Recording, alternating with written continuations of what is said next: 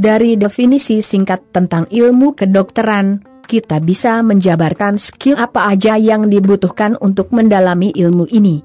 Di antaranya, pemahaman konsep yang kuat di biologi, kimia, hingga fisika dan matematika.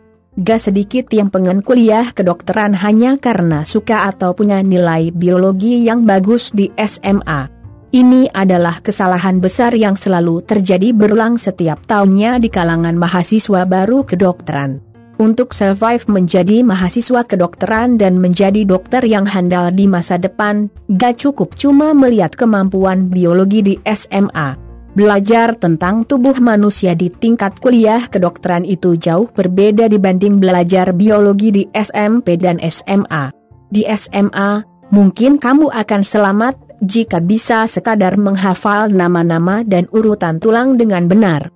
Di SMA, mungkin kamu masih bisa mendapat nilai bagus atau bahkan dapat ranking jika bisa menghafal fungsi dan penyakit sistem reproduksi manusia tanpa memahami keterkaitannya dengan organ lain yang dipelajari di bab-bab sebelumnya. Tapi, di tingkat S1, ilmu ini berbeda sekali ilmu kedokteran tingkat perkuliahan jauh lebih terpadu dan fokus pada kesetimbangan tubuh.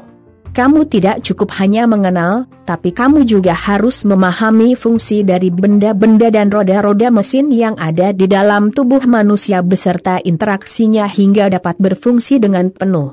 Ketika mempelajari penyakit yang menyerang suatu organ, kamu harus bisa mengkoneksikannya dengan kondisi organ-organ lain, bahkan menganalisisnya sampai tahap sel banyak anak SMA, yang lupa kalau cara kerja sel dan sistem tubuh itu kebanyakan masuk ke ranah ilmu kimia.